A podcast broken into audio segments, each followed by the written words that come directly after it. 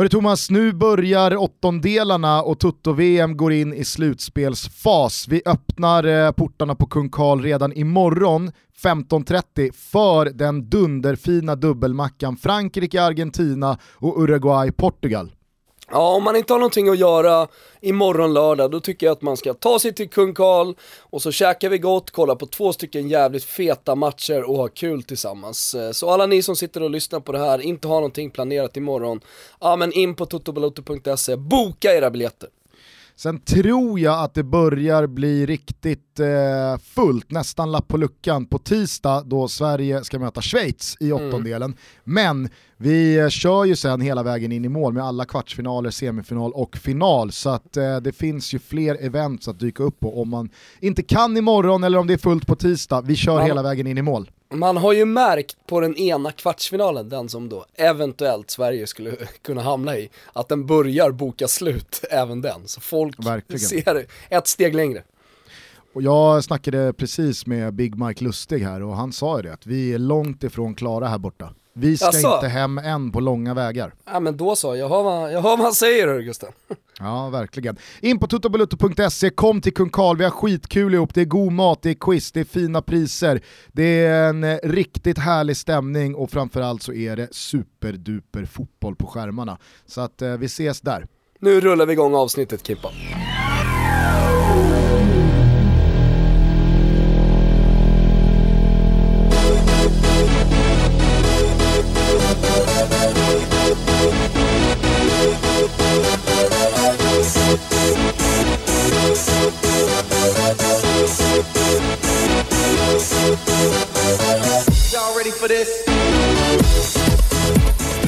Hjärtligt välkomna ska ni vara till Toto Balutto. Det är fredag den 29 juni, det är eh, VMs första vilodag. Och det är ju inte för inte, man är lite så här flackig i blicken, man undrar vad, vad, aha, vad gör man idag då? Ja, men det finns ju folk i ens närhet runt om en som eh, inte är jättemissnöjda med att det är vilodag. Och jag känner också, det kanske hörs, eh, att den här kroppen behöver lite balsam. Den behöver eh, vitaminer och allting som på något sätt kan få den att eh, återhämta sig till eh, det som återstår. För som vi sa alltså, du körde alltså, ju du körde ju en full kit wanker i uh, förrgår när det var ja. Sverige-Mexiko och det var ju alltså i en landslagströja som jag har sett dig i när den har varit både luftig och fladdrig. Ja. Nu fick man inte ens in en uh, 20-lapp mellan tyg och hud. Nej du. Nej för fan, jag var tvungen att ta av mig det till slut. Inte, inte för att jag skämdes över min kropp, alltså jag ser ut så här. Ta mig för den jag är, hörni. Eh, men eh, för att det var så jobbigt, alltså den satt så tight så att jag hade nästan svårt att andas. Ja, jag är i alla fall ah, med dig på att eh, det har varit ett par tunga veckor rent fysiskt, men allting vägs ju upp av dels hur roligt vi har, eh, men framförallt också att Sverige går så bra. Det var ju någon slags peak landslagsmässigt i förrgår när vi eh, slår tillbaka Mexarna med 3-0 och vinner gruppen. Ja, ja verkligen, men alltså dels det och dels träffa alla våra lyssnare då som kommer till Kung Karl, ska vi inte hålla på och tjata om det, men alltså det, det, det är så roligt att gå omkring och skåla. Det är, det är en månad på, på året som vi gör det här och vi gör det tillsammans. Eh, och att Sverige, som du säger, att Sverige dessutom går bra. Vi har pratat om den här magiska känslan som infann sig redan i maj. Alltså man har haft en stor tro på Janne Anderssons landslag efter att ha bonkat bort Holland och eh, även vunnit mot Frankrike och sen så då eh, skickat eh, Italien till helvetet, för det var lite så det var. Eh, I alla fall det fotbollsmässiga helvetet. Eh, och sen så nu då, börja bygga upp den här magiska känslan med att det var så varmt i maj, man mindes, eller vi som har några år på nacken mindes 94 som var en sån här stekhet sommar.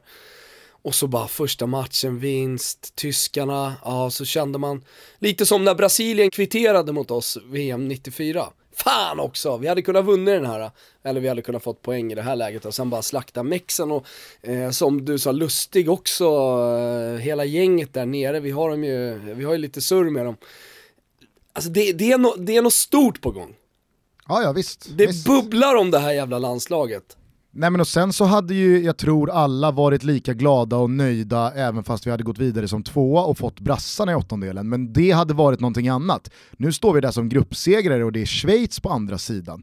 Vinner vi mot Schweiz, ja men då är det England eller Colombia. Alltså så här, helt plötsligt så börjar det ju här bli ganska konkret. Det börjar bli på riktigt. Det, stann, alltså det är inte bara naiva, överoptimistiska drömmar utan det är det, det är ju liksom efter de här insatserna en känsla i en som verkligen litar på Janne när han säger vi kan ro på allihopa.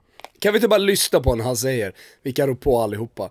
För du kan säga det, jag kan säga det, vem som helst kan säga vi kan ro på dem, allihopa. Men Janne, när han gör det, nu får vi inte blicken visserligen, men ändå när han säger det, då tror man på det. Nu handlar det egentligen bara om att samla kraft och energi och vi, vi är ju liksom inte nöjda med det här för vi känner att vi kan rå på alla. Vi kan rå på alla. Sen om vi gör det är en annan sak, men vi ska fan ta med ge det en chans.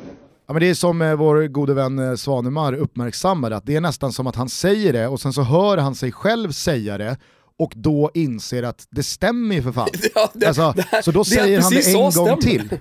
Då säger han det en gång till och Ja. upprepar sig själv för att Så han liksom jävla, så landar i att jävla vad fan, mäktigt. det, det, det, vi kan verkligen rå på alla. Ja. Så Nej, att, så eh, nej, jag, jag, är, jag är otroligt tillfreds de här dagarna. Jag, jag försöker liksom eh, stanna upp och suga in att det är fotbolls-VM en gång var fjärde år, Sverige är inte alltid med. Och det är långt ifrån det går så här bra varje gång vi, vi ställer upp. Så att, nej, fy fan alltså, det är, det, är någonting, det är någonting stort på gång. Eh, men om vi bara ska prata lite kort om matchen, nu är ju det mesta sagt i och med att det var i förrgår. Men Eh, det, det, det går ju liksom inte att komma ifrån att vi gör kanske den bästa landskampen sen EM 2004. Ja, men vi pratade ju om eh, matchplanen ganska mycket senast vi, vi poddade. Eh, och jag hade en del kritik då mot matchcoachningen. Eh, och det tycker inte jag är några konstigheter. Det, det ska man väl få ha liksom. Eh, det var inte en perfekt matchcoachning tycker jag mot eh, Tyskland. Eh, och det står jag för. Men likväl har jag alltid gillat matchplanen som Janne Andersson har haft inför alla matcher. Det har varit väl scoutat och ja, men vi har gjort vad vi har kunnat utifrån det spelarmaterialet vi har mot Mexiko. Det var ju Tom Prahl som hade scoutat den matchen. Alltså han hade synat allt, precis allt. Och deras, deras styrkor, de kom inte fram. De fick ju Vad ingenting vi, gjort eh, Mexiko. Vad var det vi döpte förra avsnittet till? Gammal är äldst. Ja, Tom Prahl är väl ytterligare ett bevis på det då? ja, ja, det måste han vara. Det är otroligt imponerande. Därför ska det bli så jävla spännande att se Sverige, om man bara tänker rent fotbollsmässigt mot Schweiz, hur de då har dissekerat det där laget och hittat deras stora styrkor för att eh, ja, bry, bryta ner dem. För nu, nu kommer man in i den här matchen med så stark övertygelse också efter Mexiko-matchen. Eh, Jag vet inte vilka som är oddsfavoriter, men det, jag misstänker att det är ganska jämnt. Men jag tror att alla svenskar som blickar mot den där känner att det där tar vi bara. Eh, Vilket också såklart, liksom, skulle det där eh, i, på något sätt krypa in i den svenska landslagstruppen, vilket jag absolut inte tror, det kommer inte hända. Eh, så, så, så är det ju farligt liksom. Men det enda som är farligt nu, det är att man blir extra besviken om vi åker ut mot Schweiz eftersom vi har väldigt höga förväntningar här nu. Men det skiter jag fullständigt i. Jag kommer gå in i den här matchen, precis som du gjorde då inför Mexiko, när du sa vi vinner med 3-0. Jag kommer gå in i, i Schweiz-matchen och säga, kanske inte att vi vinner med 3-0, men att vi- alltså, vi är kvartsfinal liksom. Vet du hur No många jinx. som har, eh, vet du hur många som har hört av sig efter eh, segern mot Mexiko då, bett om ett resultat till Schweiz-matchen? Alltså, man, är ju, man är ju ute på sån jävla tunn is när man tror att man efter ett sånt där, ja men en på hundra kikarsiktesägningar lyckas pricka exakt resultat och man är så bergfast i sin övertygelse och man skickar ut det två timmar innan avspark. Alltså man ska inte försöka göra det en gång till. Ja men fan Saida, hon byggde hela sin karriär på det där. Hon hittade en vigselring en gång genom att spå att den låg under någon jävla bokhylla. Sen efter det så var det ju bara, det var ju Eriksgata mot cash och, och berömmelse. Ja, jag vet inte hur många ytterligare vigselringar jag kommer hitta, men jag kommer nog inte ge mig på att skicka ut ett resultattips på Instagram två timmar innan Schweiz-matchen. För då Kanske vet ska jag, jag göra det inte, jag vet att det inte blir så. Och jag tycker att du spelar också ett högt spel ifall du ger dig på ett försök också. Nej, Men alltså, det, det, ska i alla fall, det ska i alla fall bli otroligt roligt att gå in i den här matchen och jag, jag håller med dig i det du säger, men jag understryker också att den där insatsen mot Mexiko ska ju inte generera någonting annat än höga huvuden, höga tuppkammar, bröstkorg fram, råg i ryggen, allting vad det nu heter, i en övertygelse om att vad fan, vi kan slå, vi kan slå vilket lag som helst. Kom då Schweiz. Alltså, nu kör vi. Det har ju varit eh, en del snack då inför den här matchen, det kommer ju bli ännu mer intensivt eh, ju närmare vi kommer. Men om avstängningarna i Schweiz, de är ju Kär och eh, Lichsteiner borta. Två stycken ja. tunga avbräck. De har ju inte en jättebred trupp även om det är en fin generation schweiziska fotbollsspelare som har tagit man sig an det här kunna, mästerskapet. Man skulle väl kunna likna det för de som inte har stenkoll på vare sig Schweiz eller de här två spelarna. Det är som om Sverige skulle sakna Lustig och Granen. Ja, exakt. Exakt. Så jag menar så här, försvaret måste ju byggas om. Och även om, är det Juru som kommer in eller? Ja. Ja, även om det är ingen dålig fotbollsspelare så, så uh, sabbar man ju harmoni och balansen i ett försvar som har funkat helt okej. Okay. Eh, Sen är väl Ponne ett ypperligt exempel på att fungerar det där ganska bra ja. i formation och ram, ramar så, så går det att skifta en ordinarie försvarare mot en annan som kan komma in och göra det bra ändå. Mm. Så jag menar, det behöver ju nödvändigt, nödvändigtvis inte vara massa eh, sprickor i muren. Nej, men sen så måste jag bara säga på tal om då avstängningar att jag tycker att det är en sjuk regel att du kan ta två gula, att du inte ens får ta två gula kort i gruppspelet. Och så tar du bort då en åttondelsfinal som, okej okay, för Brasilien då är det så här, ja åttondelsfinal den ska vi bara ta, vi ska gå vidare, vi ska gå långt. Men för Sverige och svenska spelarna så handlar det om li deras livsmatch. Och för Sebastian Larsson som inte är med, så är det ju tragiskt, alltså för hans del menar jag bara att han inte får spela den otroligt viktiga matchen. Jag hoppas och tror att det blir kvartsfinal ändå för Seb. Men, men eh, jag, jag, tycker att när de gjorde om, de gjorde om för, inför 2010, då gjorde man om eh, från att eh, varningarna raderades efter gruppspelet på grund av att man då hann samla på sig varningar från åttondelen vidare in mot semifinalen så att en, ja, storstjärnor och flera spelare riskerade att missa då en eventuell VM-final. Och det ville man verkligen få bort, men det måste ju finnas ett annat system där man liksom fortfarande kan ha kvar de stora stjärnorna så att säga, eh, men, men ändå, ändå ta bort det i gruppspelet. Ja, men det slopades ju eh, väl efter att eh, Mikael Ballack missade finalen för Tyskland 2002 när han då tog sitt andra gula kort på sex matcher eh, mot Sydkorea och då missade finalen. Eh, att det, det, ska naturligtvis inte vara så. Så att idag är det ju att du tar med dig eh, korten från gruppspelet men i semifinalen så stryker man allas varningar så att man kan Nej, ta Nej, i, kvartsfinal, i kvartsfinalen eh, så stryker, alltså när kvartsfinalerna börjar så börjar alla på noll varningar. Däremot jo, tar du ett gult kort du... i åttondelsfinalen så är du, och du har en varning, alltså, så du får ditt andra gula kort i åttondelsfinalen, då är du avstängd i kvarten. Ja, jag kan i alla fall tycka att så här, tar man två gula på tre matcher, mm, det är väl så här, det, det, det, är, det är någonstans en disciplinär... Eh... Fast jag tycker inte, jag tycker inte man ska vara avstängd herregud, för du, gula kort. du, vet, du vet ju vart jag står i den här frågan. Ja. Det, det är ett jävla skämt att gula kort överhuvudtaget ska generera en avstängning. Låt gula kort vara vad det är, det är en del av 90 minuters fotboll. Jag tog ett gult kort, jag blev inte utvisad. Alltså, det kanske gjorde att jag i 35 minuter fick hålla igen lite. Det var Precis. min bestraffning. Exakt. Och, och, och, det var det. Blir du däremot utvisad, ja visst, då köper jag att man blir avstängd en match för att man kan inte, alltså så här, röda kort tillhör ju då inte 90 minuter fotboll. Rött Nej, kort signalerar att du får inte vara kvar på planen längre. Du behöver kyla ner dig ett tag, kanske missa en match. Men att ta ett gult kort, det är, alltså så här, och, och, och jag tycker också att det är, det är för okänsligt att inte förstå att det här är ett fotbolls-VM. Det, det, vissa spelare får aldrig uppleva ett VM. Några spelare får uppleva ett VM, när man väl är där, då är det klart att som, alltså då kommer man göra allt som står i sin makt för att hålla sig kvar i turneringen. Och att man då håller sig inom reglerna och gränserna för vad som är okej för att stanna på plan tre gånger, men du ska ändå bli avstängd i den fjärde matchen, äh, det, det, det är ett otyg. Ja det är verkligen ett otyg. Så det är jag lite förbannad på, men då får vi, alltså det blir värre för Schweiz då i och med att de har sin backlinje deval devalverad. Eh, Sebastian Larsson tror att, eh, han har ju varit fantastisk, men tror att eh, Gustav Svensson kan gå in och göra ett bra jobb där. Vad, vad är din, dina åsikter kring eventuella ersättare för honom? Nej, men jag förutsätter att det är Gustav Svensson i och med det Janne sa efter Tysklandsmatchen att jag har, ni som följt mig i två år, alltid haft två spelare på samma position.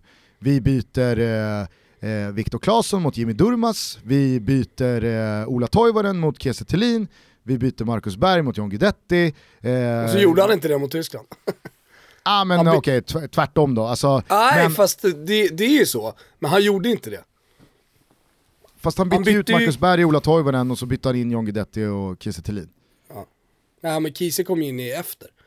Alltså, jo men det var, mot, det var mot de spelarna, alltså det var en anfallare mot en anfallare, det var en anfallare jo, mot en anfallare, det var en högerytter mot en högerytter. Jo men det är viktigt för mig det här, eftersom jag har haft eh, åsikter kring de här bytena så är det viktigt bara att det blir rätt. Att han bytte inte Marcus Berg mot John Guidetti utan han bytte Toivonen mot John Guidetti. Och där gick han ifrån sina principer. Ja, men okej, och det är de principerna jag i alla fall åsyftar till. Jag tror att hade Albin Ekdal saknats, ja men då hade det blivit Oskar Hiljemark. Mm. Eh, hade, alltså nu är det Sebbe Larsson som saknas, då blir det Gustav Svensson. Det, ja. är så, det är så Janne och det här landslaget och det här systemet fungerar. Så att, mm. jag, jag, tror att eh, vi absolut eh, tappar eh, lite ledaregenskaper och eh, en eh, bättre högerfot i Sebs frånvaro. Men jag menar de gångerna Gustav Svensson har kommit in och det är skarpt läge mot kvalificerat motstånd så har han ju aldrig gjort en besviken. Alltså... Han får ju, vet du vad han ska göra? Han ska vara sidleds-Danne. Han ska bara, så fort han får bollen så ska han langa den till Albin Ekdal. Och så får Albin stå för allt kreativt. Ja. Ja, nej, jag, är inte, jag är inte orolig trots att jag givetvis hade hellre sett Sebbe Larsson från start än Gustav Svensson. Men vad fan, Gurra kanske kommer in och blir någon ah, slags eh, Andreas Jakobsson eller eh, andra oväntade hjältar. Matte Jonsson, vad vet jag. Det kan bli, det kan bli episkt för eh, Gurra, som vi ändå minns med värme efter eh, den där eh, sena natten på Avenyn med Ragge för några år sedan. när, när, det blev, när det blev cell. Nej, ändå, ska vi, ska vi kanske minnas det? Affe, han undrar, är det sant att han blev misshandlad på Tintin i Göteborg för ett par år sedan? Glenn Hussein har sagt det. Ja, men det blev ju, det blev ju en uh, löpsedel på det också. Ja, det minns jag också. Du åkte på spö under... Jag åkte på spö av en brud. Det var inte så att vi var i slagsmål, men hon slog mig på käften. Och, och tolkar jag Tintin rätt som att det här var någon bio? Nej, Tintin är ju, Tintin är ett... Ja, det är en klubb? nej, Tintin är ett, ett, ett nattcafé kan man säga i Göteborg vid Avenyn. Där man går och käkar fyllemat. Och då, eh, ska jag berätta hela storyn? Mm. Gärna. Då är jag faktiskt med Gustav Svensson också. ta, ta med honom i fallet. Ja, han kommer, ja precis. Uh, nej men då ska vi gå in dit och käka mat och då, då funkar det så att man får ett, man får ett kvitto av, av kassörskan av det man har beställt och sen så säger de ett, så är det ett nummer på kvittot och så säger de till när det är din mat. Och då hade vi ett, ett tjejgäng som satt bredvid oss, rätt söta. Och då var den här tjejen som tog mitt kvitto som jag hade på bordet så började hon rulla den så här, som en cigarett. Och lekte lite med den. Så lät jag henne göra det. Fast sen så när jag skulle ta tillbaks mitt kvitto. Då sa hon att det här är inte ditt kvitto. Jag bara, vad, vadå inte mitt kvitto? Det är ju min, ja, det är min, du tog ju mitt kvitto. Nej. Och då började ju hennes tjejgäng där. Som inte hade varit med på när hon tog kvittot och trodde att jag skulle sno hennes mat. Och medan jag tappar det helt, jag blir så jäkla arg på de här brudarna. Bara, så ge mig min jäkla kvitto liksom. Och börjar ställa mig där och gorma. Och, så polisen Vad sa Gustav då? då? Nej jag vet inte vad han sa, han de var bara trötta på det. Ja jag vet inte, de tänkte väl köpa en ny macka då liksom. Men det blir en principsak att de ska fatta komma undan där med min med min, min, det är min macka. Curry, currymacka som jag hade beställt. Uh, så då kommer polisen och så tar de ut mig därifrån. Blev du bojad? Kvalitet på ens polare är ju sådär där eftersom de skulle bestämma sig att de skulle äta upp sin mat. Så jag alltså får stå och vänta. Hade du varit med mig Ragge, då, då lovar jag, då hade jag varit med. Ja men du är god gubbe. Eh, så de sitter kvar en stund och så 5-10 minuter senare när de kommer, kommer med så kommer även de här tjejerna, för de har också ätit upp. Så kommer de här tjejerna efter och så säger jag till det då säger jag till henne då att jag hoppas maten smakar bra, hela, eh, någonting då. Och då bara ger hon mig en rak höger, mitt på ögonbrynet. Och det är bara forsar blod i hela ögat. Och då står ju polisbilen på andra sidan. Och de väntar ju på att jag ska gjort något dumt. För de väntar ju, nu ska vi ha koll på den här gubben för att han äh, kanske gör något dumt. Och jag går till polisen och du vet, de, de vill inte göra någonting. De vill inte göra någonting. Eh, Medan Gustav då blir ju svinsned på polisen för att de tycker att det var det är helt, det är helt fel att ni inte ni ser, såg vad som hände. Boja henne. Boja henne ja. Fan jag har fått bojor för mindre kan jag säga. Eh, Hur många gånger har du fått bojor? det, det är badgan. Ja, okej, ja. Eh, så då tar de ju med Gustav då för stökigt behavior eller vad man säger. Fyllecell då? Ja, han fick ju han fick gå på sin fyllelse. Det är ingen som vet det här tror jag. eh, och så hon tjejen då som fick åka med. Men sen Ja, de plockade ändå henne. De plockade henne till slut ja, efter mycket möda och men. Men då, då anmälde jag ju henne. Eh, det var ju rätt, rätt lätt case liksom. Polisen såg tjejen. Men de, de la ner det. De la ner det för de, de, de, då sa de att, Hur är din relation till polisen idag? ja, men, alltså, ja, och kvinnor med kan jag säga ibland. Ja, fin han är. Ja, verkligen. Det, det, kän, alltså, det ger mig hopp om livet att det är nu samma kille som ska in och spela en central roll Ja, i vi- en VM-åttondelsfinal. Visst gör, man, gör att man känner sig levande på något sätt. Ja, jag skålar alltid för ovissheten.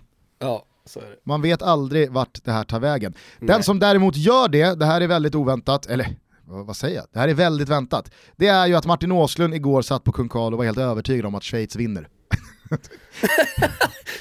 Ja, Sch- Schweiz passar Sverige så jävla dåligt. Det kommer inte vara något snack. Alltså- Schweiz kommer vinna det där lätt.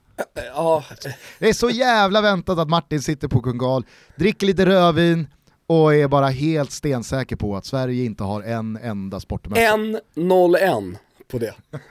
Verkligen. Verkligen. Nej, det ska bli otroligt och den här matchen mot Mexiko, jag kommer i alla fall hur det än går mot Schweiz bära med mig den som en av de absolut bästa landskamper och prestationer jag sett gul och gul att göra. Så för det var, nej, det var bra från minut ett till sista sekunderna. Så stämningen vi var med om inne på Kung Karl, den var ju episk. Jag kan tänka mig att det var flera hundratusen andra platser runt om i Sverige där det var grym stämning också, men det måste varit ett sånt jävla party nere i eh, Jekaterinburg också alltså. Ja men det man, det man nåddes av i alla fall, det var ju berättelser om tågresan hem. Generellt sett till de som bodde kvar i staden för all del också. Eh, som då skulle göras tillsammans med mexarna. I och med att Sydkorea vann mot Tyskland så fick ju även mexikanarna fira. Eh, så alla då som satt på det här eh, ganska svettiga, jag kan tänka mig långsamt eh, tuffande tåget tillbaka till någon slags basecamp, eh, 18 timmar eller vad det var de satt på supportertågen. Eh, gjorde de ju tillsammans med en, en massa mexikanare. Så istället för liksom att ja, det var ett lag som firade så var det ju två lag och supporterskaror som blandades. Och det minns man ju jätteväl då från eh, Frankrike och ihop med irländarna och hur man partade ihop eh, sådär. Men, men vilken skillnad det gjorde för upplevelsen att även Mexiko gick vidare. Ja, verkligen. Jag kan ju bara minnas hur det var nere i eh, Porto 2004 när Sverige och Danmark eh, gick vidare båda två på Due-Due mot Italien och det var ja, det var ett ruskigt eh, liksom, eh, grannparty, svenskar och danskar emellan. Men det var ju också ett ruskig fest utanför den sydkoreanska ambassaden i Mexico City där Henrik Brandao Jönsson var och rapporterade för DNs räkning. Ja, alltså, de som inte har sociala medier men som lyssnar på podcasten måste faktiskt nås av den här rapporten. Så att det är bara rätt in Kimpa, får vi höra Brandao. En korean hissas! En korean, en korean! Oj, oj, oj! Han är en korean, en hjälte här va? Desculpa. Sorry. Okej. Här är ko- alltså en av Mexikos få sydkoreaner är här. Och han hissas nu på... Eh, ja, ni ser honom, han sitter med mexikanska flaggan. Han är en så stora hjälten här nu. Det är Koreanen hyllas här va! Koreanen hyllas! Det här är helt fantastiskt. Det, jag är också tacksam för att Korea... eh, ja, jag vet inte om ni hörde men eh, det var alltså en korean som, eh, som, som är här i folkvimlet. Och han hissas nu på axlarna av mexikanarna. Eh, Korea är ju de stora hjältarna. Det är ju inte Sverige som är hjältarna. Jag får ju nästan vara lite försiktig i denna tröjan här va. Alltså, det, det är Ah, ju sanslöst. bland det Sanslöst. bästa man har sett. Ja, verkligen. Men det man eh, liksom eh, inte ska glömma i det här är ju att det här föranleds ju av att Sydkorea de facto slår Tyskland med 2-0 och alltså gör de regerande världsmästarna till jumbo i grupp F. och det är hemgång för Die Mannschaft och Jogi Löw. Alltså det måste ju vara en av de större knallarna i den moderna VM-historien. Ja men det är det ju helt klart, alltså, det är någonting med den där jumbo-placeringen som måste svida också. Nu skiter de väl kanske lite grann i det, att de inte spelar vidare VM är den stora grejen. Men ändå när man då blickar tillbaka på det här mästerskapet och ser Tyskland som jumbo i gruppen. Ja men då är det klart att, eh, det, det är klart att det måste jämföras med Ja men Argentina ut eh, på Sveriges bekostnad. Ja, Eh, jag har, Svensson jag har ett motbud också i Frankrike 2002. Då kommer ju de som regerande mästare från 98, åker ut i gruppen, jag tror att de tar eh, två poäng, men gör alltså inte ett enda mål. Nej, eh, du har eh, Italien-England från 2014. Eh, du har Italien, Italien är med mycket här, men Italien 2010. Det var ju ett monsterfiasko. Kommer du ihåg vem som stod i mål? Tyskland kanske ligger i län då. Kommer du ihåg vem som stod i mål? För Buffon skadade ju sig. Eh, Vem som stod i mål för, eh, ja men vad fan Det är ju den in- sämsta mål... Italien, vänta, vänta. Italien har haft eh, många liksom, legendariska målvakter. Alltid varit stark på målvaktssidan. Ja, men i var det mästerskapet- Abbiati? Nej, nej, nej, nej. Hade, hade Abbiati stått så hade det varit lugnt. De skickar in Marchetti. Just Alltså Lazio Marchetti med krulliga håret. Med bandanan. Ja, med bandana har han dessutom. Kommer in och bara ser helt spretig ut och gör ju ett fiasko-VM. Det är ju då man torskar mot Nya Zeeland väl också? Ja visst. Alltså visst. det, är- ja, det, det, ja, det, det är ju ändå där, nu var det ett italienskt landslag som kom som regerande mästare. Eh, självklart så man kanske hade några slags förväntningar på dem, fast det var ju ett italienskt, eh, italienskt landslag som var utskällt redan innan mästerskapet och som många inte trodde speciellt mycket på. Ja, Men det är, ju, det är ju trots det ett stort fiasko. hur som helst, när vi ändå drar upp alla de här motbuden så landar jag ändå i att Tyskland kanske inte har stått för den största knallen då. Men de är ju där uppe, för att det var ingen som trodde det här. Visst, eh, folk eh, var nog övertygade om att eh, Sverige skulle gå vidare och folk var nog övertygade om att Mexiko skulle gå vidare. Och, men jag menar, ingen, hade, ingen stack ut hakan och hängde ut drulen och sa det kommer vara på Tysklands bekostnad. Alltså, Ja det var väl jag då va? Hade du verkligen eh, att Nej, jag eh, hade Mexiko skulle... att Mexiko Alltså jag skulle pratar så jävla mycket nu Gustav, så att i något läge till någon person så har jag sagt det. Du kanske har hävt ur dig eh, mellan eh, skål och vägg på Rönninge Bistro. Ja, ja det kan ha hänt. Ja. Eh, nej men eh, jag, jag tror att eh, liksom det här kommer vara någon slags vändpunkt för Tyskland, det är jag helt övertygad om. Nu ser jag inget alternativ än att Jogi Löw lämnar. Eh, det finns nog en rad spelare som eh, inte lär trumma på i landslaget, som har varit jävligt utskällda och fått utstå ganska mycket skit. Är spelarna som kommer upp underifrån lika bra som de som de ersätter? Jag vet inte. Eh, jag, jag, jag, jag, jag är lite... Jag har fått en liten tankeställare här kring eh, tysk eh, landslagsfotboll. Jag tror att den enda som gladde sig åt det här var Leroy Sané. Ja, på något sätt så, så log han nog i alla fall lite grann när det hände. Även om han säkerligen är liksom eh, patriotisk och vill det tyska landslaget väl. Eh, men eh, nu när du påminner mig mm, så är det ju helt sjukt att han inte var med. Ja, ja verkligen. Och det var ju också en sån spelare som man kanske behövde allra mest i alla matcher. Kunde slå sin gubbe, komma runt eller bryta in och göra det Och själv. hitta Gomes, ja absolut. Hur som helst eh, är Tyskland ute, vi säger auf Wiedersehen. Tschüss! Toto Balutto är jävligt glada över att Media Light har klivit ner och tagit plats i vår båt. Varmt välkomna. Vad är då Media Light Thomas, har du någon aning? Alltså nu känner jag ju Johan på Medialight, vi har blivit goda vänner genom Toto och våra olika samarbeten och sådär. Eh, Men eh, det har ju med eh, sökmotoroptimering att göra, eller hur? Precis, de arbetar med digital marknadsföring och Just. främst då Google-optimering. Man tar företag till toppen av Google.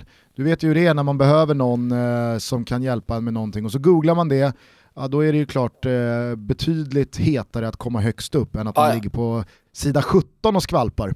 Visst. Det är sällan man scrollar sig ditåt. Ja, och det man har förstått är att de här killarna och tjejerna är jävligt skickliga på det de gör. Verkligen, dessutom så är de rikstäckande. De har nämligen kontor i Umeå, Göteborg och Stockholm. Och nu är det så att Medialight söker en .NET fullstack-utvecklare uppe i Umeå. Eller nere i Umeå om man nu har sina rötter ännu högre upp än så. Eh, så att eh, vill man jobba i ett supergäng med det här, då ska man skicka in sitt CV till johan at medialight.se. Medialight stavas som det låter. Du kan väl bekräfta att det är ett supergäng? Ja, ja, verkligen. Eh, nu som sagt är det en ny bekantskap här med Johan, men eh, eh, vi har också träffat eh, hans kollegor och det är ja, men ett ungt företag, ett roligt företag att jobba på. Det finns en massa utvecklingsmöjligheter också. Eh, så om jag inte hade jobbat med det här Gusten, då hade jag gärna jobbat tillsammans med Johan och gänget. Dessutom är det Johan som har hjälpt oss med eh, Totti-tröjan, så att vill man ha någon slags direktlina till Francesco Totti så kan det ju vara smart att eh, joina Medialight-gänget. Vi säger i alla fall tack till er Medialight. Vi är fortsatt sponsrade av Seat Stockholm och det är vi jävligt glada över. Seat Stockholm, de finns på tre platser runt om vår kungliga huvudstad i Täby, i Sätra och i Södertälje. Och ni som har varit med i Tutto här under VM vet att vi verkligen tillsammans med Seat Stockholm vill pusha för privatleasing. Det är så jävla smidigt, det är så jäkla enkelt, bekymmersfritt, man får allting på samma faktura, man pröjsar, man kör tre år, är man nöjd, ja då är det bara att plocka ut en ny bil efter tiden. Inget bundet kapital eller någonting. Det är fri service och tre års nybilsgaranti på en hel rad olika modeller. Ja. Men framförallt så är det ju Ibiza, Leon och Arona som vi eh, slår slag för här. Ja precis, det gör vi. Eh, Det är ju så enkelt med privatleasing, jag tänkte bara säga det, att man skulle i stort sett kunna vakna på morgonen och känna, fan det här med Seat verkar ju bra. Dessutom en superdeal, 100 kronor rabatt i månaden och på en privatleasing då i tre år. Eh, så att man skulle vid lunch kunna vara då i Täby, Södertälje eller Sätra beroende på vad som är närmst och eh, i stort sett nästan ha en, ja, en, en eh, bil. Precis, och eh, vill man testköra någon av de här modellerna då tycker jag att man ska kontakta Seat Stockholm, fråga efter Top Dog Micke, säg att man lyssnar på Toto Balutto så hjälper han er garanterat. Eh, så att, eh, vi är väldigt glada över att Seat Stockholm är med oss, tack till er. Tack! Vad tar du med dig mer från avslutat gruppspel? Knallar, positiva överraskningar, negativa Vet- överraskningar? det är ingen överraskning riktigt, men jag tar ju verkligen med mig Colombia, som jag tycker spelar så vacker fotboll. De spelar en glad fotboll, eh, en riktig sydamerikansk fotboll. Ja, men de står verkligen för det här spontana. Eh, Det är lite tokiga liksom, det klackas och det är utsidor och man, man kanske försöker utmana en gång för mycket, en mot en, alltså quadrado på högerkanten. Eh, alltså Colombia för mig, nu, kan, nu kanske jag inte tror att de ska gå hela vägen och, och liksom ta en, en, eh, en final. Nej för det ska de Men- fan inte, de ska åka på pisk i kvarten. Ja just fan, eh, vi, vi möter eventuellt dem. Jag har ju England i kvarten då i mitt slutspelsträd. Skitsamma, jag tycker att det är extremt kul att se dem spela fotboll. Och det handlar inte om mål, eh, det handlar inte om det utan sättet de lirar på. Det, det tycker jag, det är den, det är den, den grejen som har gett mig mest glädje förutom Sverige under det här gruppspelet. Mm. Eh, vi ska väl säga det att efter en halvtimme ungefär så klev James Rodriguez av igår mot Senegal och av hans kroppsspråk att döma, nu har inte jag läst några rapporter idag, så kändes det som att den där muskelskadan gör sig påmind och jag vet inte hur eh, snabbt det går att få ordning på den. Så att eventuellt då så saknar Colombia James mot England i åttondelen. Men jag såg oddsen här i förmiddags och alltså Colombia till knappt fyra gånger fattar jag ingenting av. Nej, den kan jag inte förstå heller. Alltså det finns något England är dunderfavorit. Ja, men eh, ja, och jag tror att det har med marknaden att göra, alltså det kommer jävligt mycket pengar på England. Och sen så eh, anpassar sig marknaden, ja, i det här fallet oddsättarna, men de anpassar sig efter en marknad såklart också, efter var pengarna läggs. För att eh, det finns en jävla, alltid en jävla tro på England. Det fanns kanske inte den monstertron på England inför just det här mästerskapet, men när de spelade så fin fotboll som de gjorde de första två matcherna, ja men då började det där att ticka upp och det började liksom växa. Så jag har ju hört det, det, det kan ju alla liksom skriva under på som lyssnar på den här podcasten, man har ju hört då vänner prata, att fan nu, det kanske är i år då som England ska göra det. Jag har själv känt så, det, It's det är ett fräscht lag. Ja, precis. Eh, som man skämtar lite om, men, men eh, efter matchen mot Belgien och att de får just Colombia så börjar jag ju känna att fan det kanske blir ett till fiasko för England. Vi kanske står där och så är de ute i åttondelen. Ja, herregud, jag menar jag fattade aldrig den grejen. Visst, jag ser också vilken sida av slutspelsträdet som på förhand är den lite enklare. Men den sidan innebar också Colombia som motstånd i en åttondel. Den andra sidan innebar Japan i en åttondel, så jag fattar verkligen inte varför Southgate och England såg ut som de gjorde igår och inte försöker vinna den där matchen. Det är, det är för mig väldigt konstigt för att skulle Alltså så här, det var som någon skrev på Twitter väldigt bra att ja, nu slipper ju England eh, Brasilien i, i kvartsfinalen hur det än går. För de kommer ju åka i, i åttondelen mot Colombia. Så att det är liksom, jag, jag, jag tror att, eh, som du sa igår kväll också, att de sjabblade ju bort sitt VM här. Ja men det blir någonting också med att så här, man har de första två matcherna har fått ett självförtroende, man har byggt upp eh, någon slags energi i hela gruppen och sen så går man ner i energi i den här matchen. Det är så tajt eh, i spelschemat hela tiden. Så att eh, jag tror att det är ganska farligt att inte fortsätta bara rida på någon slags segervåg. Jag tror man ska, i ett VM så ska man försöka bara göra det hela vägen ut. Det är ju mer sydamerikanskt, det är mer brasilianskt, de bara kör liksom. Eh, Medan då de europeiska länderna kanske tänker lite extra på att så här, spara kraft och eh, energi och vara taktiska i, i sina val av spelare när man kollar på tabeller, vilka man kan få möta och sånt där. Eh, ja, nu, nu kanske det visar sig att man har fel, men jag tror, jag tror inte på, jag tror inte det är rätt väg att gå. Eh, det som blev Colombias lycka då, igår, det blev ju då Senegals olycka. Det är ju sällan man har lidit mer med ett lag som alltså åker ur för första gången i VM-historien på fair play. Man tar två Ah, gula kort mer än Japan över tre matcher och det är det man åker på. Att, Men är det, eh, inte riktigt, är det inte lite så också att bänken hade inte koll på förutsättningarna? Känslan var när man såg bilden att de trodde att de var vidare med de resultaten som stod. Ja, det man i alla fall visste det var att Japan hade stenkoll, för deras sista tio minuter mot Polen, det var ju, det var, det var ju en otroligt märklig fotboll. Ja, ja men det blir ju så. så folk gnäller på det där att ja men hur kan det bli så? Vi måste, måste hitta på ett sätt att bli av med det och så vidare. Men jag, jag vet inte, det, det är väl så när det är kupper och turneringar. Alla vet ju, eller ska i alla fall veta förutsättningarna på förhand, så det är ju bara att förhålla sig till dem. Ja, men det känns lite This is Africa över att de inte riktigt hade koll på förutsättningarna. Nej, det, det, det, finns väl någonting i den säga. magkänslan, absolut. Ja. absolut. Ja. Eh, är det någonting annat du eh, tar med dig här nu då, lite extra från gruppspelet? Något utropstecken, eh, någon spaning eller vad det nu kan vara? Ja, men en sak som, eh, som jag tänkt lite på, det är att Spanien eh, har underpresterat på ett sätt eh, och, att de har flugit lite under radarn. Och på tal om Martin Åslund innan, så har han då gått ut på Twitter och eh, skrivit att Spanien är det lag som han är mest imponerad av. Och det var ju många som reagerade då. För dels eh, för att Martin håller på Spanien, har jag ju varit öppen med. Ja. Eh, eh, men också att Spanien rent resultatmässigt inte gjorde någon jättestarkt gruppspel. De var ju till och med så att de var hotade och inte spela vidare det här mästerskapet. Men jag tror att de på, kan man säga sydeuropeiskt vis, har krånglat sig vidare i gruppen och det är nu deras VM börjar. Är du med?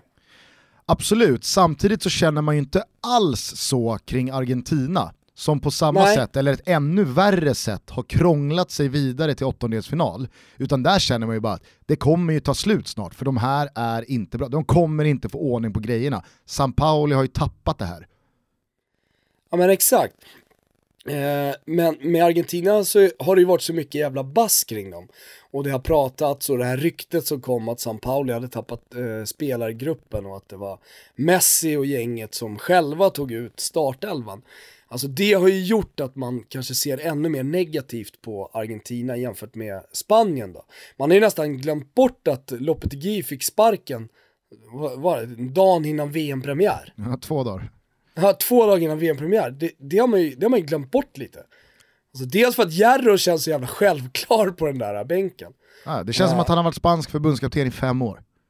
Ja men eller hur? Och det är ju väldigt få personer som, som kan ha, ha en sån status, eller en aura då i det här fallet, eh, så att man känner så. Men, men jag, jag tror i alla fall Gusten, att Ja. man ska se upp med Spanien. Jag Ja det de tror jag också, för jag tror eh, framförallt att de kommer få den enklaste resan här nu i, eh, i åttondelsfinalen. Jag tror att de kommer eh, sluka Ryssland. Ja precis, de är ju i Ryssland nu i åttondelsfinalen och sen så kan de få Danmark eller Kroatien. Precis. Ja. Så Det är en jävla match också Gusten. Danmark-Kroatien. Ja, det gör ju i och för sig att vi förutsätter att eh, dansken åker ut, men det gör vi ju. Så att, eh, det är klart att det blir eh, Spanien-Kroatien i en Ja men helvete vad bra de ser ut, Kroatien. Ja. Alltså man dör, jag pratar om eh, Colombia, man dör ju lite för, eh, för Kroatien. Samtidigt, det räckte med 20 minuter Dejan Lovren i sista matchen mot Island för att veta att de är ett misstag ifrån ett insläppt mål, hela tiden. Det, jag, jag, jag såg en skärva av liksom, oj oj oj, här svajade det till. Så att, eh, mm, jag är inte lika övertygad längre, för att offensivt har jag ingenting att anmärka på Kroatien. Jag tycker de flyger fram och Perisic ser formtoppad ut, Brozovic ser formtoppad ut, Rakitic, Modric har alla redan ropat ut som bästa in i mittfältet i, i turneringen. Mandzukic, han har väl inte ens nått eh, högsta nivån. Eh, så att, eh, där, är, där ser det otroligt bra ut. Men de där 20 minuterna som, som Lovren kommer in och gör, ah, jag vet inte fan alltså. Jag tror att, eh, jag, jag, jag, jag, tror att eh, Kroatien kommer, om det sen är mot Danmark eller om det sen är mot Spanien i en kvartsfinal, men eh, kroaterna kommer åka ut på fatala försvarsmisstag. Ja. Nej, det är svårt att säga emot. Han får sätta på sig den där vattenpolomössan. Han får låna den av Churluka. Ja, exakt. Ja. Nej, det blir otroligt spännande. Jag tycker överlag att det är ett jävligt roligt eh, slutspelsträd. Alltså, vi kommer ha en kvartsfinal med vinnaren av Frankrike-Argentina mot vinnaren Uruguay-Portugal. Eh, så det känns ju verkligen som att det, det kommer vara otroligt jävla laddade matcher. Kanske inga målkalas dem emellan, men eh, det kommer Nej, ju vara en intensitet som är grymt. Om jag blickar tillbaka lite på gruppspelet här nu, om man pratar rent fotbollsmässigt, för ofta är det så i mästerskap, om man pratar om att det har spelat en offensiv fotboll eller spelat en defensiv fotboll. Det är till och med så att hela mästerskap har fått en prägel, eh, rent ja, offensivt eller defensivt, man pratar väldigt mycket om det.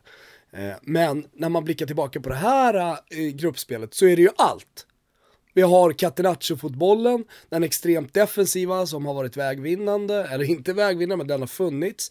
Vi har det väldigt offensiva, fröjdiga spelet som, ja men låt säga då Colombia, Kroatien, framförallt har stått för. Att det är en jävla mix av olika typer av eh, fotboll.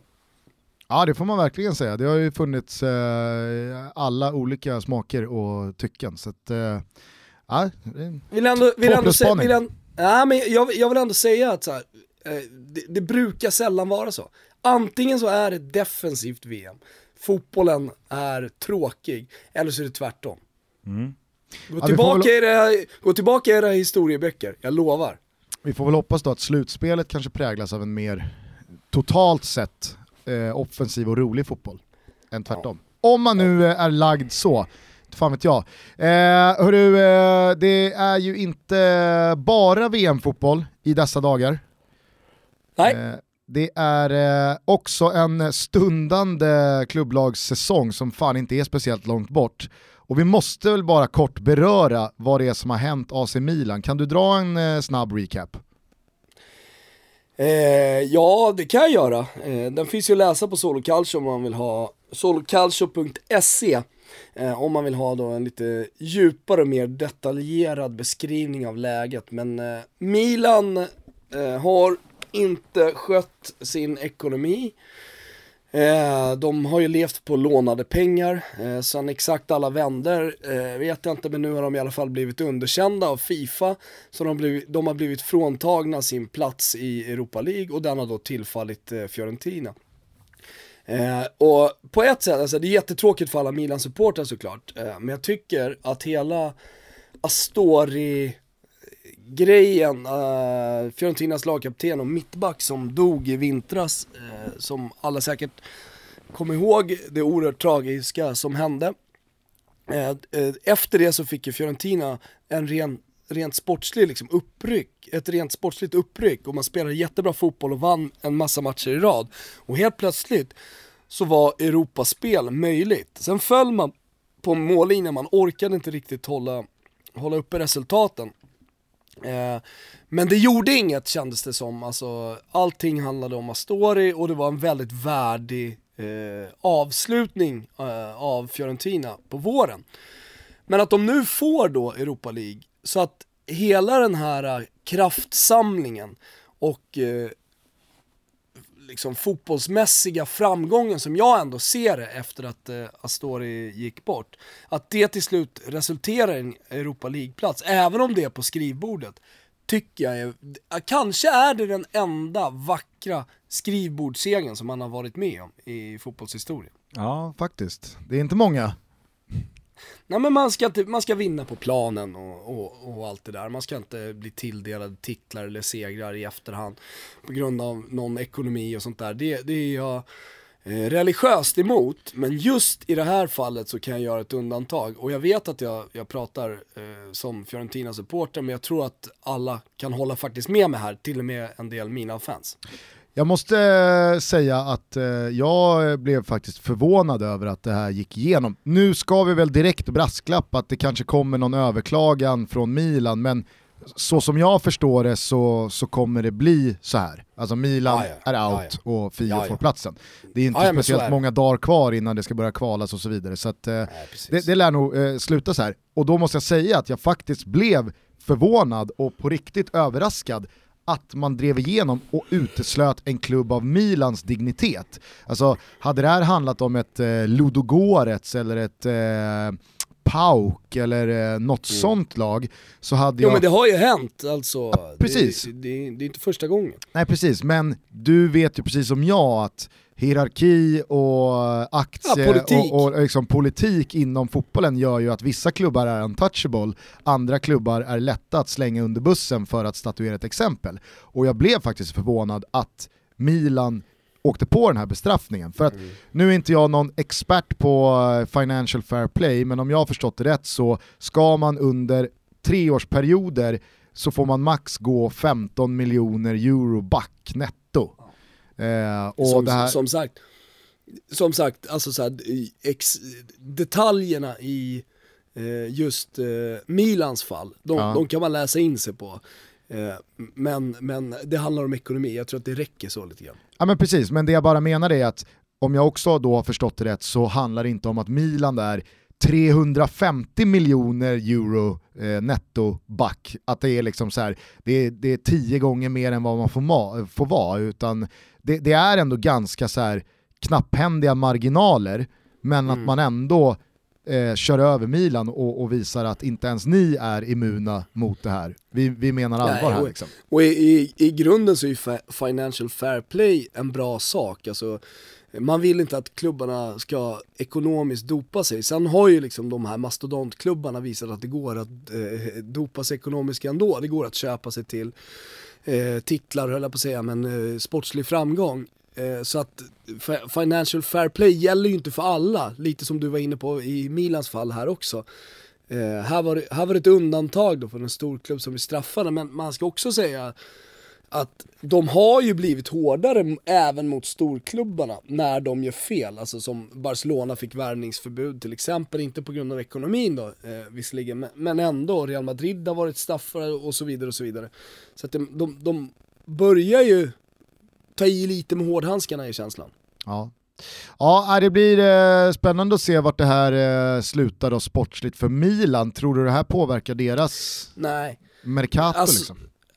Jag, jag, jag tror inte det. Det är inte så mycket pengar det handlar om i slutändan för en sån stor klubb eh, som Milan som ändå ska göra en monstersatsning. De ska, måste ju få in kapital nu. Eh, och så det pratas ju jättemycket om en ny ägare, allt från amerikaner till nya kineser och allt vad det är. Eh, och det är väl en, det är väl en följetong som man kommer fortsätta följa. Man vet ju inte vilka som äger Milan, mer eller mindre. Eh, hon lånar pengar från en fond och och sen så finns det en kines där som, som stoppar in ansiktet men du vet, hans, hans finanser har man jävligt svårt att tro på när man läser lite om det. Eh, så ja, allt från Cubs ägare, eh, Rickets eller vad de heter, eh, där har alla som har koll på baseball lite bättre koll. Kopplas ihop med Milan till, till andra och det pratas om att, så här, ja, till och med att det kanske kommer in en en ägare, alltså en stor stark ägare och köper hela Milan. Alltså det, det, den sista frågan man vill ha ute på krogen när eh, det kanske kommer fram en tutto-lyssnare och vill byta några ord är ju, vem är det som äger Milan? har, man ju, har man ju inget svar på. Nej, jag har ingen Jag, jag, har- jag har ju följt, eh, jag vet inte eh, om du har koll på det här, men jag har följt Primetime, som är en ny app som Kristoffer Kviborg eh, sätter sitt ansikte på. Det är han som rattar. Eh, Ja. Det är ju en slags Ja, quizapp. Primetime är ju Eh, superkul. Ja, så jag, och jag fick en fråga om inte jag kunde bidra med, med en fråga till Primetime. Ja. Eh, så jag ska nog fan skicka in den Milan-frågan. Alltså det Vem är, det är ju elfte frågan. Det är, Exakt. det är ju elfte och sista frågan. Vem äger Milan? Tre alternativ. Berätta, Alla- berätta kort om primetime, fan vi måste hylla det här för det kommer så mycket appar, det kommer så mycket fotbollstjänster hela tiden. Allt ifrån att du ska gissa målskyttar och, och allt möjligt. Ma- man märker att eh, folk försöker tänka till. Ja. Hur, vem, vem ska liksom släppa det nästa stora i, i, inom liksom sport och spel och, och sådär. Och ofta så tänker man ju bara så här, men gräv där du står. Alltså, över, under, ett, kryss, två, sluta håll på. Men, nu har primetime kommit. Vi är absolut inte sponsrade av det här, vi har ingenting med det att göra, men jag vill bara hylla det. Ja, för jag verkligen. tycker det är så jäkla kul. Ja, Berätta, men vad är det? Nej, men det är en eh, frågesportsapp eh, som är gratis och alla som vill får vara med. Varje kväll klockan 20.00 så drar de igång en livesänd frågesport där alla som har sändningen igång är då med i eh, frågesporten. Och den som vinner vinner 500 spänn som man får på Swish direkt när det är klart. Liksom. Så att, eh, och, och är det ingen som vinner då går pengarna vidare till nästa dag och så byggs det upp en jackpot-pott. Liksom. Eh, och så är det då 11 frågor som blir svårare och svårare och svårare. Så att, eh, nu under fotbolls-VM så har Primetime då, eh, då har de expanderat och så kör de varje dag en fotbolls-VM special som programleds av vår älskade Kviborg. Men det normala primetime det är eh, bara frågesport om allting, allmänbildning. Just det. Eh, Ja, men och- det är, just det här med Kviborg nu tycker jag är förbannat roligt. Ja, men det är ju verkligen en sista fråga. Vem äger AC Milan? Så, Kunglig sista fråga. det, är, det är ingen, ingen, ingen vinner ju pengarna. Det går ju vidare till potten. Och så kanske man kör då dagen efter, samma fråga igen som sista. Jaha, Ja. vem äger Milan? Allsvenskan rullar igång nu Gusten. Eh, Trellehulla AIK, tror du det är många som kommer gå och kolla på den om vi går vidare till kvartsfinal? Eh, jag tror väl att eh, det börjar redan på tisdag när vi möter Schweiz. Då är det väl Sirius mot Giffarna. Om jag Toppmatch. inte är helt ute och cyklar. Jajamän, Sirius nu- mot Giffarna. Som en Ja. liten avslutning. Alla får såklart tycka precis som de vill. Ja. Men ja, man vill ju ändå skicka en liten golers till alla som ska spela lite allsvensk supporter-coola här nu under VM. Ja, ja, ja, Sverige gjorde mål, men jag tar hellre ett bra inkast av Sirius än ett Sverige-mål och hela den grejen. Ja men den tröttaste Fan, sägningen, hoppa, hellre i en, hoppa i en jävla gryta gulasch med er för fan och stanna där. sägningen hellre ett inkast till, och så kan man sätta in då valfritt allsvenskt. Sirius! Hellre ett inkast till, till Sirius, eller Djurgården, eller Malmö FF, eller Blåvitt eller vad det nu är, än ett VM-guld till Sverige. Alltså, den, den mentaliteten, alltså behovet av att torgföra den mentaliteten att visst, gläds ni åt någon jävla landslagsframgång i något plastigt eh, köpt mästerskap borta i Ryssland. Med vikingahjälmar på, älghorn och allt vad det är. Jag blir minsann gladare för ett inkast åt mitt jävla gäng.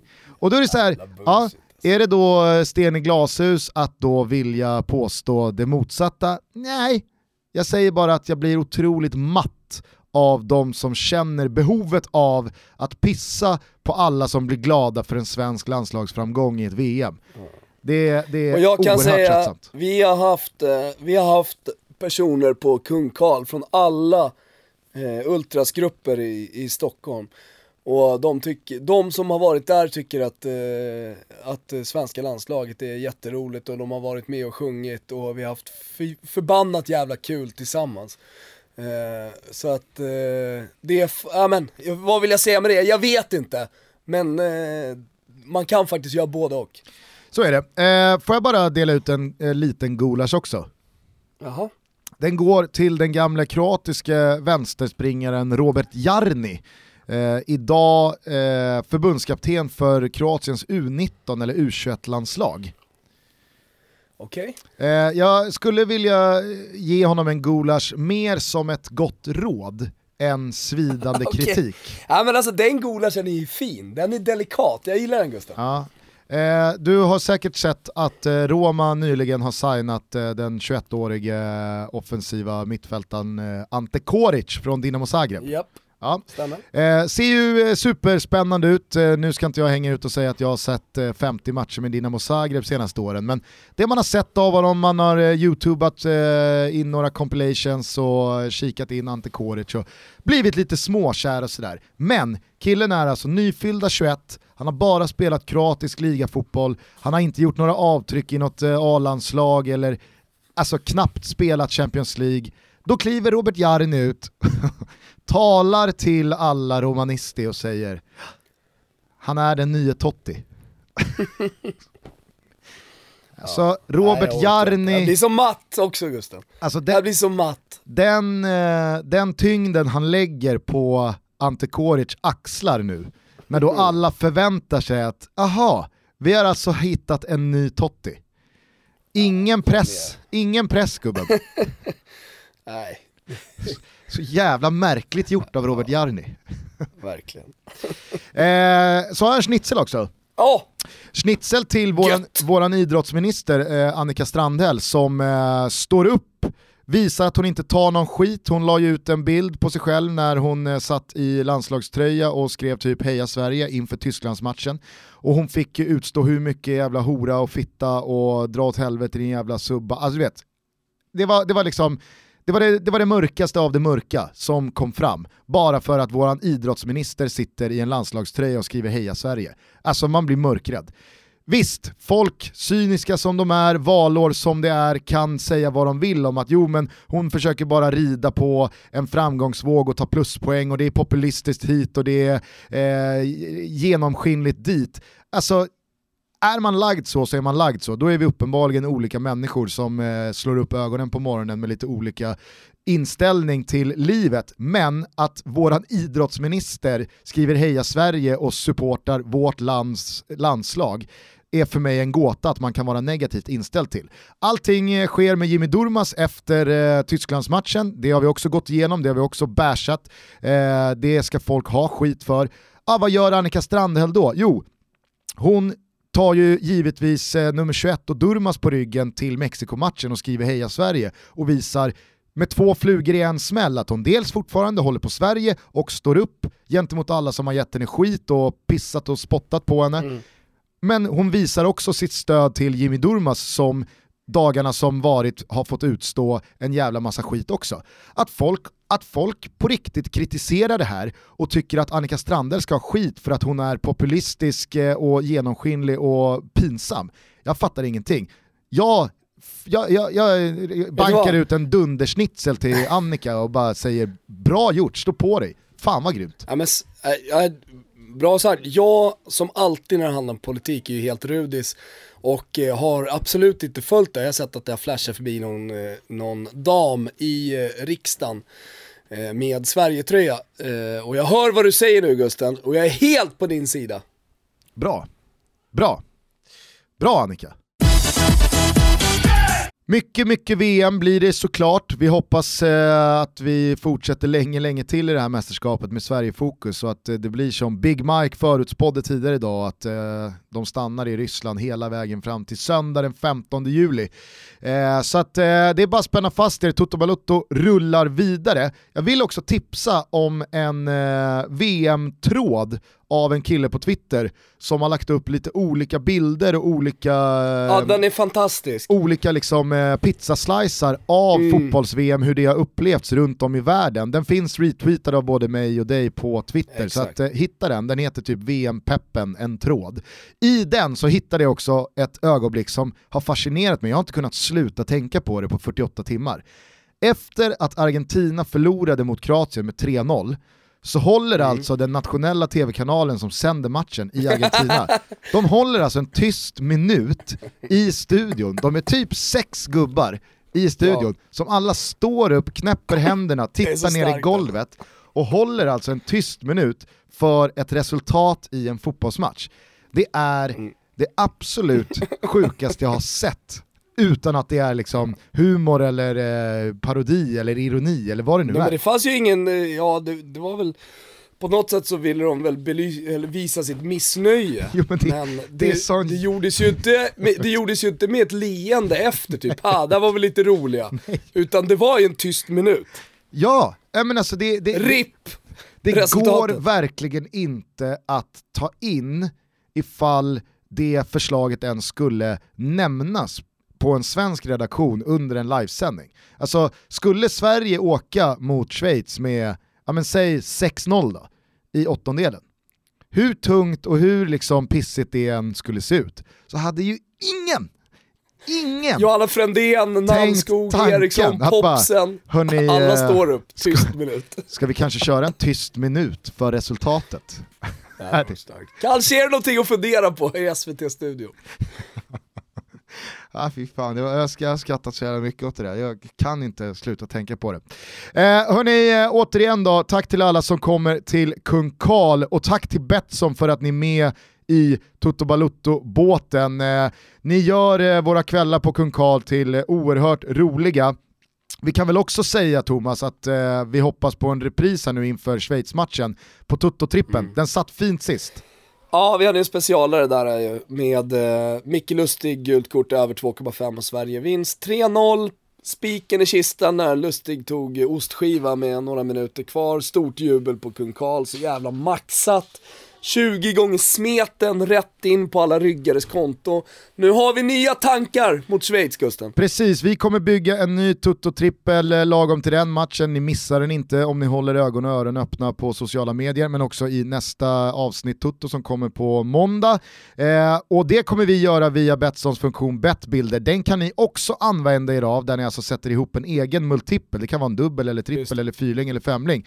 På en och samma match. trippel, ja. Så gör man sin egen multipel eh, via den funktionen. Och vi vill säga det att till alla er som kommer till Kung Karl och gästar oss på Toto-VM, om man bygger en eh, multipel via bettbilder på den matchen vi ramar in på Kung Karl, så får alla de fem med högst satta odds en eh, specialframtagen tischa som Betsson och Grand Frank har plockat fram. Så att, eh, det kan ni ha med er när ni kommer till Kung Karl, att eh, ni ska bygga ett litet spel till matchen vi ska kolla på. Så ses vi där!